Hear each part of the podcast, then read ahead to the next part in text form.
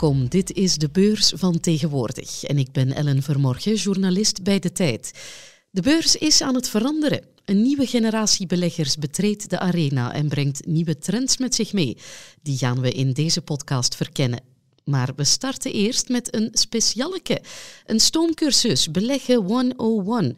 Voor wie nog niet helemaal mee is met de basics van de beurs. Waarom beleggen, waarin en hoe? Dat is het menu voor deze aflevering van de beurs van tegenwoordig.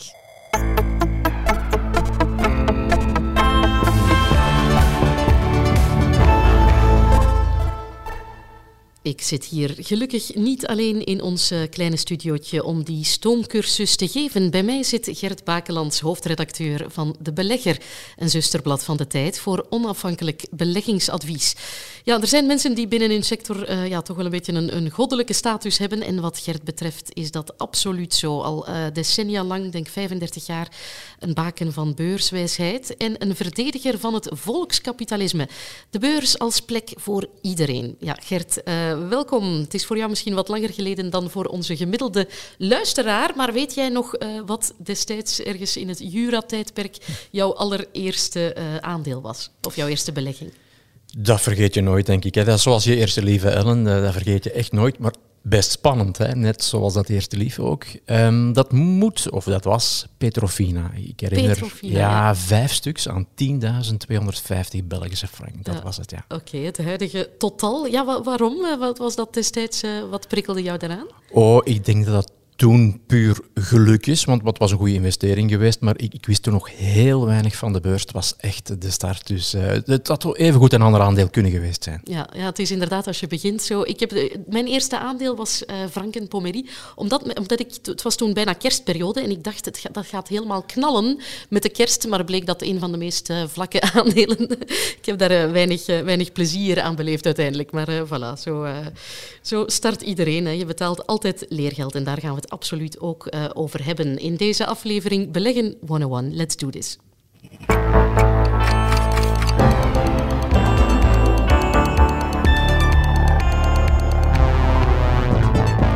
Je kan je terecht afvragen waarom zou ik in hemelsnaam moeten beleggen? Een spaarboekje is lekker veilig en prima voor mij.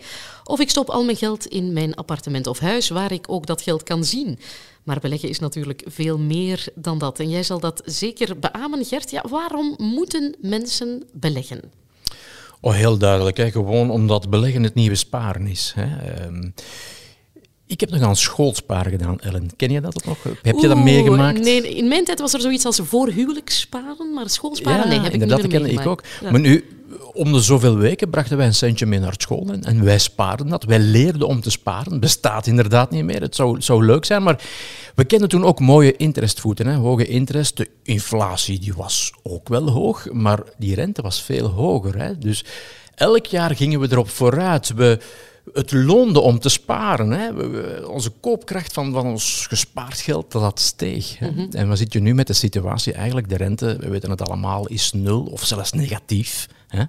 En als we nu sparen op een spaarboekje of via obligaties, dan, dan hebben we een heel lage rente, negatieve rente soms. En er is wel inflatie. Bescheiden, maar toch een zekere inflatiedruk momenteel.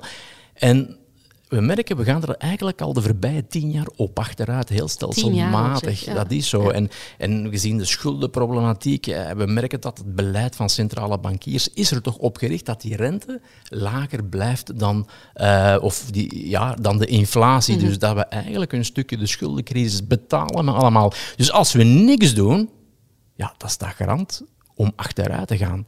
En dat is eigenlijk de belangrijkste reden waarom dat we moeten beleggen. We moeten beter doen dan, dan de inflatie, dat we er niet op achteruit gaan. U moet heel goed weten als, als belegger, als, als consument, court eigenlijk. Uw geld is maar waard wat je ermee kan doen. En als dat elk jaar minder is, Ja. ja, dan van arm je. En daar moet je echt wel, vandaar, ja, beleggen is echt wel het nieuwe sparen. Zoals we vroeger inderdaad met dat schoolsparen belegden, moeten we nu ook eh, in aandelen beleggen. Ja, ja, een beetje een, anders een collectieve verarming als we het gewoon op ons spaarboekje laten staan. Maar ja, ook een belangrijk aspect, denk ik, voor mij persoonlijk om het te doen, is ook wel een beetje het voorzorg voor later. Ik sta nog een heel eind af van mijn pensioenleeftijd. En ik denk, ik wil dan, eh, eens ik op pensioen ben, ook nog wel wat, wat leuke dingetjes gaan doen. Nog wat centen over hebben om, om te reizen enzovoort. En ik wil ja, niet te veel inboeten inboeten op, op de levensstandaard die ik in mijn beroepscarrière dan heb denk, gehad? Ja, ik denk dat dat volledig terecht is. Hè. Vermogensopbouw in het algemeen is belangrijk natuurlijk, maar ook dat pensioen. Uh, we zitten in België met een, wat men noemt een repartitiesysteem. Hè. Wat wil dat zeggen? Dat de actief werkenden eigenlijk bijdragen voor zij die nu op verdiend pensioen zijn. Mm ja. Maar wat zien we? Uh, dat er steeds minder actieven zijn en steeds meer gepensioneerden. De, de, pensioenen zijn nu al laag, dus dat, dat wordt moeilijk financierbaar. Dus willen we echt wel bij ons pensioen de afrit genieten nemen, ja, dan gaan we ervoor moeten zorgen dat we zelf een potje bij elkaar hebben gespaard. En, en er zijn initiatieven zoals via de, de, de werkgever dat er al wordt gespaard, maar het is echt, echt geen overbodige luxe om zelf een potje te sparen, eh, beleggen als nieuwe, uh, nieuwe sparen. Ja, dus dat heft in eigen handen. En een leuke bijkomstigheid, allez, leuke vind ik een schitterende ja, bijverschijnsel, is dat je er ook heel wat mee leert. Ik, ik, ik beschouw ja, beleggen ook, het heeft voor mij ook een heel grote fun factor. Ik weet niet hoe dat voor jou zit, Gert, maar Jawel. ja, ik vind het, uh, ja, ik, ik, ik, ik, ja, ik amuseer me ermee. Ik heb een, een beleggingsclubje met een aantal vriendinnen, Chickenstock heten wij. En wij hebben ja, er, elk kwartaal vergaderingen waar we dan een investeringsbeslissing nemen. Fijn. En ja, dat is heerlijk. Dat zijn heel fijne, liederlijke avonden en we bomen door over de wereld en we kijken waar geloven wij in en waarvan denken wij, ja, welke bedrijven zullen volgens ons de wereld gaan vormgeven. En ja, dat, voor mij is dat, zijn dat heel plezante en leerrijke avonden. Kijk, maar wat je nu zegt, dat is niet alleen fun, maar ook een bewustzijn. Hè? Mm-hmm. Weten, beseffen wat er in de wereld leeft en, en beseffen dat dat allemaal invloed heeft, ook op die financiële markten, ook op die beurzen. Je, je gaat de linken zien hè, ja. tussen een en het ander. En een mens mag echt niet vergeten, een mens ziet veel meer dan hij denkt. Hè. Gewoon in het dagdagelijkse leven. Gewoon kijken van wat is er plots populair qua product uh, bij uw kinderen, bij uw familie. Uh, wat is plots uh, in trek bij uw eigen mm -hmm. bedrijf bijvoorbeeld. Je ziet echt veel meer. En dan moet je kijken van oké, okay, is daar een beursgenoteerd bedrijf aan gelinkt? Ja, dan beschik je best wel over veel informatie. Maar dat is inderdaad leuk, boeiend. Je, je kijkt de wereld echt wel met een veel bredere visie. Ja, oké. Nu weten we dus waarom we zouden moeten beleggen. We krijgen er een brede blik op de wereld door. En we doen aan zelfvoorziening voor ons pensioen. En door alleen maar te sparen op een spaarboekje verarmen we collectief. Nu we dat weten, is de volgende logische vraag. Ja, maar waarin moet ik dan beleggen? En die vraag beantwoorden we zo meteen na dit.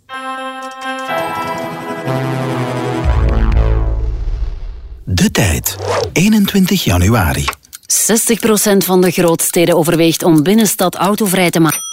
4 seconden. Na 4 seconden al stopte Alex met het lezen van de tijd. Meer had hij niet nodig om aandelen te kopen van de grootste elektrische fietsenfabrikant. Deze aha-momenten die willen we blijven opwekken. Dus leg ons gerust al na 4 seconden weg en neem voorsprong. De tijd.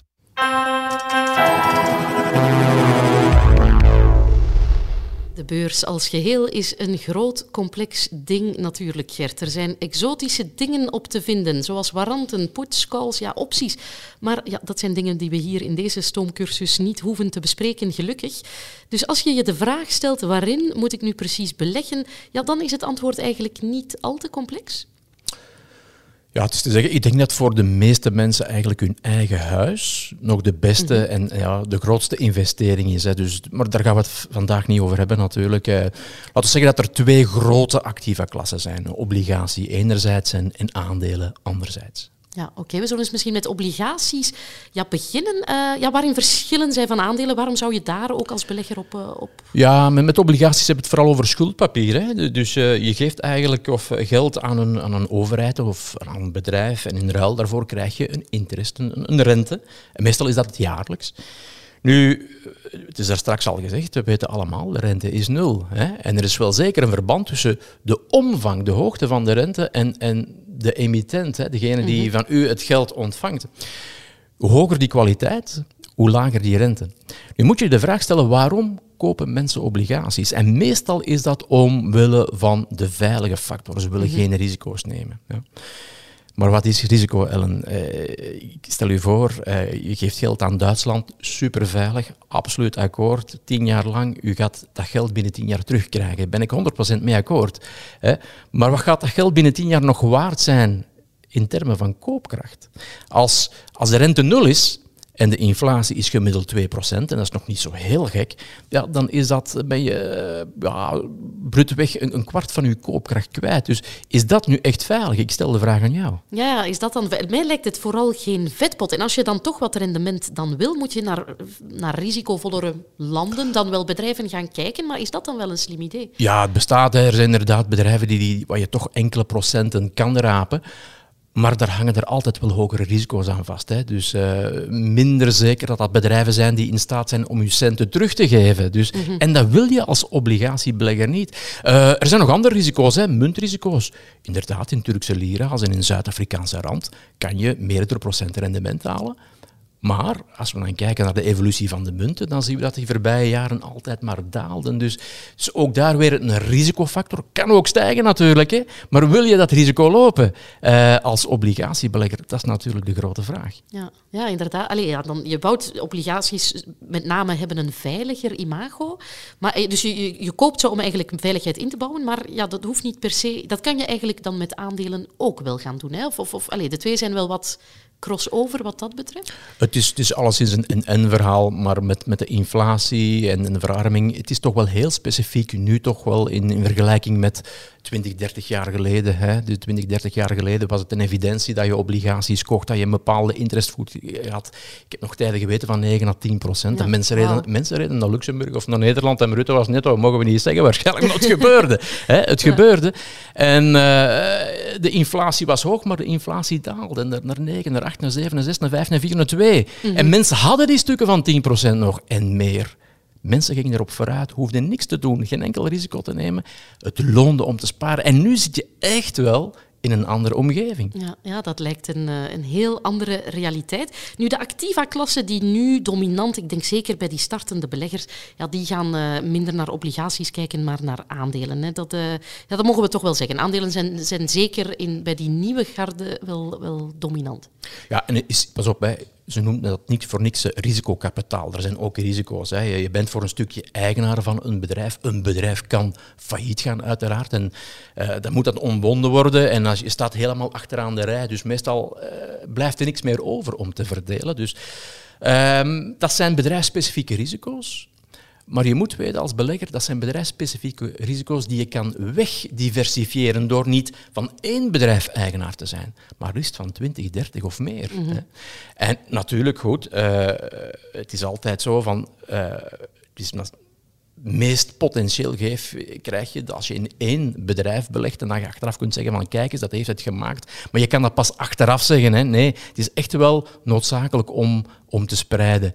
Um, ja, zo vlak je dan dat risico uit dat er, als er dan in heel jouw portefeuille één is die faalt, ja, dan vangt de dan rest kan je dat het niet allemaal. voelen. Hè. Je, je, kan dat bijvoorbeeld doen met holdings. Hè. Holdings uh, die, die beleggen in verschillende bedrijven. Je kan dat doen via trekkers. Trekkers die, die volgen een korf van aandelen, van, van financiële producten. Dat houdt spreiding in zich. Fondsen, fondsen van banken beleggen soms in honderden bedrijven tegelijkertijd. Er zal misschien wel één bedrijf failliet gaan, maar je gaat het niet voelen in de waarde van dat fonds. Ja, oké, heel cruciaal lijkt mij. Maar hoe weet je nu wat er voor jou per se geschikt is? Hoe bepaal je van wat is mijn risicoprofiel, hoeveel risico ben ik bereid te nemen en hoe stel je op basis daarvan je portefeuille dan slim samen? Goh, ken jezelf, dat is inderdaad uh, belangrijk. Hè. Uh, ik ben er toch een klein beetje kritisch op. Um, als je nu een enquête zou doen van wat is uw profiel, ik vermoed dat steeds meer mensen zullen zeggen van kijk, ik ben, ik ben een dynamisch belegger, ik wil in aandelen beleggen. Ik kan me herinneren dat uh, er een enquête is geweest vlak na de bankencrisis. En 90, 95 procent van de mensen die zeiden van ik ben defensief, aandelen, oh nee. Hè. Aandelen hadden toen een negatieve bijklank. Niemand, niemand was geïnteresseerd, ook al waren ze goedkoop. En ik vrees dat het sentiment van het moment eigenlijk een stukje bepaalt hoe mensen over zichzelf gaan denken. Mm-hmm. Wie ze zijn als belegger. Dat is fout, hè? Want dan dreig je in een situatie te kopen dat, dat mensen eigenlijk ja, zichzelf dynamisch vinden als de beurzen al jaren aan het stijgen zijn en de moed vinden om in aandelen te beleggen. En als het dan echt goedkoop is, hè, na een lange periode van daling, dat ze dan gaan zeggen van ja, maar kijk, ik, ik, ben, oeh, ik, ben, ik ben defensief. Ik, nee, aandelen, dat is niks voor mij. Zie je die, die verkeerde ja. reflex? Een mens moet echt wel heel nuchter objectief vaststellen, oké, wat zijn mijn noden, wat kan ik sparen, waar wil ik komen, wat wil ik bereiken. En op basis daarvan, en er zijn tientallen elementen die een rol spelen, een leeftijd, om maar, maar eentje te noemen, uw inkomen, uw gezinssituatie, noem maar op. beleggen is inderdaad voor iedereen anders, maar laat dat op een objectieve manier ingevuld worden. Ja, dat je niet op de momenten dat de markt net het goedkoopst is, ook als een angsthaas uh, ernaast blijft staan eigenlijk. Dat, is eigenlijk mijn eeuwige frustratie en leidt achteraf ook tot, tot verkeerde conclusies ook. Hè. Ja, oké. Is het zo dat als je jonger bent, we hebben nu uh, ja, een heel aantal jonge beleggers die in de beurs stappen, kan je je dan meer risico permitteren omdat je horizon nog langer is? Dat wordt gezegd, dat is een vuistregel. Maar zoals met alle vuistregels, je mag dat niet letterlijk nemen. Je hebt inderdaad die langere horizon. Inderdaad, voor kinderen, voor mijn dochter bijvoorbeeld, eh, zij is voor 100% in aandelen belegd. Dus eh, zij heeft inderdaad die horizon. Ze zal, ze zal nog crisissen meemaken, maar ze zal ook van crisissen automatisch kansen uh, maken. Hè. Um, maar de praktijk is vaak anders. Het is vaak als mensen ouder worden um, dat zij over geld beschikken om te kunnen beleggen. Hè. Maar allez, moet ik toch ook gezegd hebben, beleggen mag niet voor de happy few zijn. Is mhm. echt wel voor iedereen. Je hoeft ook geen grote sommen te beleggen. Het kan ook met, met kleine sommen, als dat maar periodiek gebeurt, maandelijks of om de drie maanden, 50 euro, kan een, een, een enorm verschil geven op het eind van de rit naar uw pensioen toe. Um, Nee, nee, nee, dat, dat is zeker zo. En dat vind ik ook altijd een heel mooi betoog dat jij voert. Van het hoeft niet voor de happy few te zijn. Je kan uh, ja, met een klein bedrag kan je dus echt wel al een, uh, ja, door, die, ja, door het wereldwonder dat dan de samengestelde interest heet, kan je echt wel uh, ja, vermogen opbouwen. Hoe werkt dat precies? Want ja, dat is een beetje een sneeuwbal die dan aan het rollen gaat. Hè? Ja, dat is wat men noemt de kracht van de samengestelde interest. Uh, Einstein heeft dat ooit gezegd, dat dagste wereldwonder. Ja, wordt vaak gebruikt, uh, die slogan. Maar in dit geval is het eigenlijk wel de wet van de samengestelde return. Hè. Je hebt een stuk dividend, een deel van de winst dat wordt uitgekeerd als u, aan u als aandeelhouder. Maar je hebt natuurlijk ook die meerwaarde. Hè. En dat is belangrijk ook op die beurzen. Van kijk, uh, de beurs is echt wel, en dat heeft ook met, met die met dat perspectief te maken, met die lange termijn beurs is een marathon lopen, hè. Is, is geen mhm. sprintjes trekken. En uh, dat is toch een, een, klein beetje kritiek doen naar de, de jongere soort van die de beurs ontdekt hebben als een soort van spel, hè, een soort van casino. Er moet een volgende stap gezet worden, dat er een bewustzijn wordt gecreëerd van oké, ik ben voor een stukje eigenaar van uh, een x-aantal bedrijven en ik bekijk het ook zo. Hè. En ik, mhm. moet, ik moet kijken naar van wie beheert dat bedrijf, wat zijn de producten, wat zijn de diensten, is er een gezonde balans, uh, wat zijn daar de toekomst, toekomstperspectieven, wie zijn de concurrenten. En als je om de juiste redenen in dat bedrijf belegt, ja, dan, dan heb je dat perspectief en dan kan je die marathon lopen. Oké, marathon lopen. Ik denk dat we een paar uh, goede handvatten hebben om uh, te zien waarom en waarin we beleggen. En nu gaan we die kennis heel concreet toepassen. We gaan bekijken hoe je concreet iets kan kopen op de beurs en welke basic gezonde strategieën je daarbij kunt toepassen.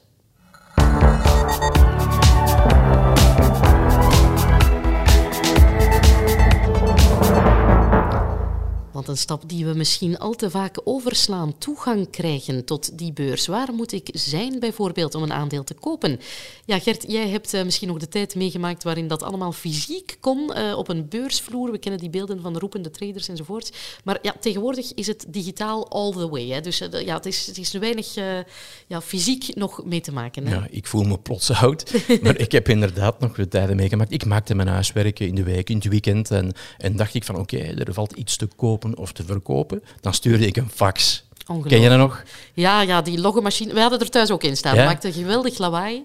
Maar uh, ja, jij faxte dan je orders door naar je Inderdaad, maar je wist dan wel, als je iets zou kopen of iets zou verkopen, dat je een halve dag verlof moest nemen. Hè, wow. Om die stukken fysiek in, in, ja, in ontvangst te nemen, in de kluis te gaan steken, ofwel je kluis openen en die stukken te leveren.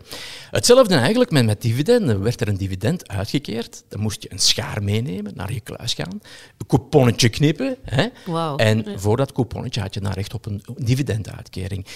Maar dat maakt ook uh, dat je echt wel twee keer nadacht voordat je iets kocht of verkocht. Dus je veel minder impulsen, zoals dat nu het geval is. Dus echt wel meer beredeneerd. Dus ja, het is toch wel met een, een, zekere melancholie dat ik erop terugdenk. Ja, ik hoor je weemoed een beetje, want ik denk dat het contrast vandaag niet, uh, niet groter kan zijn. Hè. Ja, aandelen aan toonder, zoals jij omschrijft, die bestaan natuurlijk die bestaan niet meer.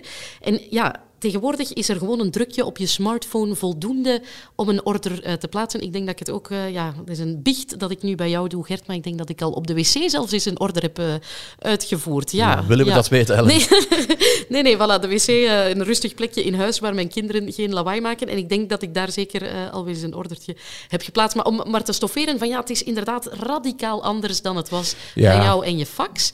En dat heeft natuurlijk ook een keerzijde misschien, dat je te impulsief gaat handelen. De drempel is zodanig laag ja, dat je ja, misschien minder doordacht dan zou moeten. Je, je het risico is dat je als belegger eigenlijk verstrikt dreigt te geraken eigenlijk in de waan van de dag. Ja. En er is zoveel informatie dat, dat op u afkomt. En uw brein zegt van, oké, okay, je krijgt impuls. En je zegt van, wat moet ik met die informatie? Ik moet iets doen. Mm -hmm. Uw brein zegt dat waardoor je gaat kopen, verkopen en eigenlijk heel veel uh, transacties gaat, gaat, maken, heel veel kosten. Uw broker gaat er natuurlijk geweldig blij ja, mee zijn. Die winnen dat. Ja. Maar of dat, dat iets uh, bijbrengt tot uw rendement, dat is toch maar zeer de vraag. Ja, oké. Okay, om even een overzicht. Ja, hoe, die markt van nu ja, die teert op, op, ja, op online apps, op brokers, bij wie je in één uh, drukknop ja, kan, kan handelen. Ja, en die markt wordt ook wel competitiever, hè, die brokermarkt. Ja, ja, wat moeten we ervan ja, maken? Er zijn gelukkig meerdere brokers ook, ook in ons land. Dan schroeven de concurrentie, hè, dat, dat, er toch wel, uh, dat het niet te duur wordt allemaal. Um, ja, de brokers hebben allemaal wel hun eigen specifieke sterktes. Dus uh, ik zou zeggen, ja, als, als belegger, als kandidaatbelegger, bekijk die markt een keer. Wat vind je zelf belangrijk? Hè? Uh, dat kunnen kosten zijn, transactiekosten, dat kan. Andere mensen vinden het misschien belangrijker om, om goed geïnformeerd te worden over de beurs, over specifieke aandelen. Zou kunnen. Ja. Hè? Um, er zijn niet alleen de, de, de transactiekosten. Hè? Dat, dat, is, dat, is niet het enige punt. Er zijn bijvoorbeeld ook uh, mensen die bijvoorbeeld graag... U bent aandeelhouder van een bedrijf hè, of meerdere bedrijven. U zal misschien graag een, een algemene vergadering willen bijwonen. Dat kan. Hè? Um, en er zijn brokers die dat heel gemakkelijk faciliteren. Hè. Uh, anderen doen dat ook, maar rekenen bijvoorbeeld toch wel uh, vrij veel kosten daarvoor aan. Dus u moet kijken, wat vind ik als belegger belangrijk en welke broker kan mij daar best bij helpen? Er zijn ook buitenlandse brokers hè, die dan veel goedkoper zijn, maar er moeten dan heel veel bijvoorbeeld ja, administratieve zaken zelf afgehandeld worden, uh, fiscale elementen. Dus bekijk het, bekijk het. Neem ja. uw tijd. En dan ga je bepalen, oké, okay, die broker of meerdere brokers, dat kan ook. Hè, die, die... Dat, dat doen er vele blijkbaar. De jonge beleggers die zeggen, ik, ik zit bij uh, die speler voor dat uh, product en voor die... Allee, die het echt ja, gaan mixen en matchen. Ja. Er is niks mis met, met shoppen, dat, dat klopt. Hè. Um, en, en dan kijken van, kijk, ja, u, u opent een effectenrekening, men helpt u daarbij. Hè. Het, mm -hmm. is, het, is, vrij eenvoudig, u moet er niet te veel bij voorstellen. Er uh, wordt een effectenrekening geopend, u stort daar een bepaald bedrag op en ja, u kan van start, u, u kan aandelen kopen op, op de markt. Letterlijk de markt waar aandelen ja, geroepen werd zoals vroeger, van te koop, te koop en te verkoop, te verkoop. En, en, en u kan handelen. Ja, oké. Okay, maar wat jij zegt ook, Gert, wat ik, wat ik toch onthoud, is ook wees beducht misschien voor heel dat gratis verhaal. Hè. Er wordt nu enorm naar, ja, op prijzen geconcureerd, maar dat je zegt van er zijn nog andere parameters dan de ja, kosten. Ja, gratis bestaat niet. Als het gratis is, dan is het vaak dat u zelf het product bent. En, en ook daar moet u zich bewust van zijn, absoluut. Oké, en dan gaan we eens kijken, misschien ja, als je dan een order wilt plaatsen, kan je dat ook op verschillende manieren ja, gaan doen. Hè? Allee, ik zie dat ook als ik begon te, te, ja, te beleggen, dat je dan ziet dat je een marktorder hebt, een, een stop-loss-order, een limietorder. Ja, hoe, uh, wat is het verschil en hoe pak je het aan? Ja, er zijn enorm veel termen, maar laat u daar niet, niet zot maken. Ik bedoel, uh, inderdaad, als je een, een aandeel wil kopen uh, en het zijn vrij verhandelbare aandelen, de grote waarde, en je, je plaatst een marktorder, dat koop je aan de prijs van dat moment. Je kan er weinig verkeerd aan doen. Maar je kan als belegger ook bewuste keuzes maken en zeggen, uw uitspraak doen en zeggen van kijk, op basis van de grafiek, op basis van fundamentele gegevens, ik verwacht nog wat, wat, wat positief of negatief nieuws, ik verwacht nog een eerste stijging of een daling of wat dan ook. Je kan ook zeggen van kijk, tegen die prijs wil ik kopen of ik wil verkopen, een limietkoers inleggen, zoals men mm -hmm. dat noemt. Hè. Uh, wordt het niet behaald, oké, dan wil ik niet kopen of verkopen. Hè. Um, dus je kan er echt bewuste keuzes in maken. Ik, ik, denk dat dat de twee belangrijkste zijn die je eigenlijk moet onthouden. Dus een marktprijs inderdaad of een limietkoers tegen een bepaalde prijs willen kopen of verkopen. Oké, wat jij ook zegt, laat je niet doodslaan door, door de keuzes of het jargon. Het is heel straightforward op zich. Ja, je moet je niet laten afschrikken door, uh, door te veel uh, techniciteit. Of.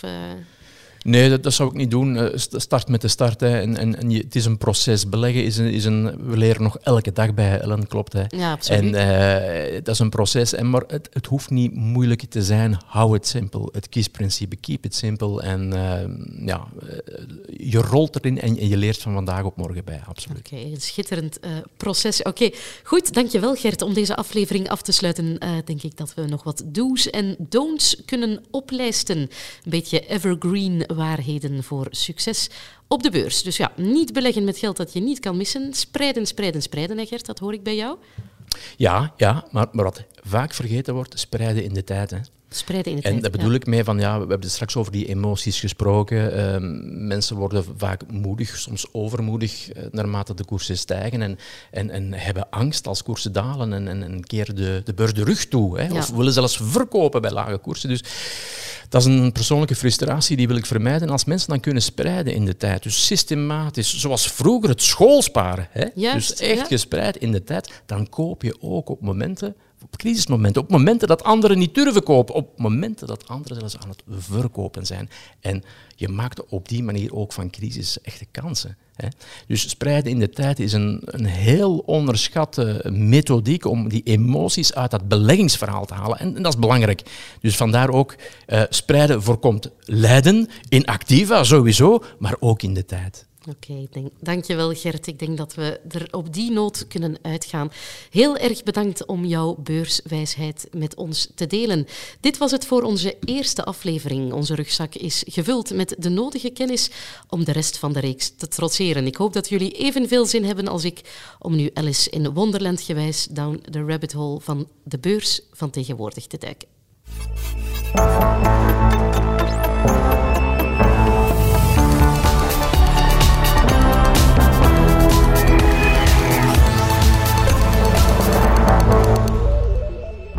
In de volgende aflevering van de beurs van tegenwoordig. Is de beurs een casino? Of kan je met een doorgedreven lange termijn strategie het huis verslaan? En wat is vandaag belangrijker, de cijfers achter een bedrijf of het verhaal dat het beleggers kan vertellen? Abonneer je op de feed van deze podcast en volg intussen al het beursnieuws via de Marten Live pagina van tijd.be.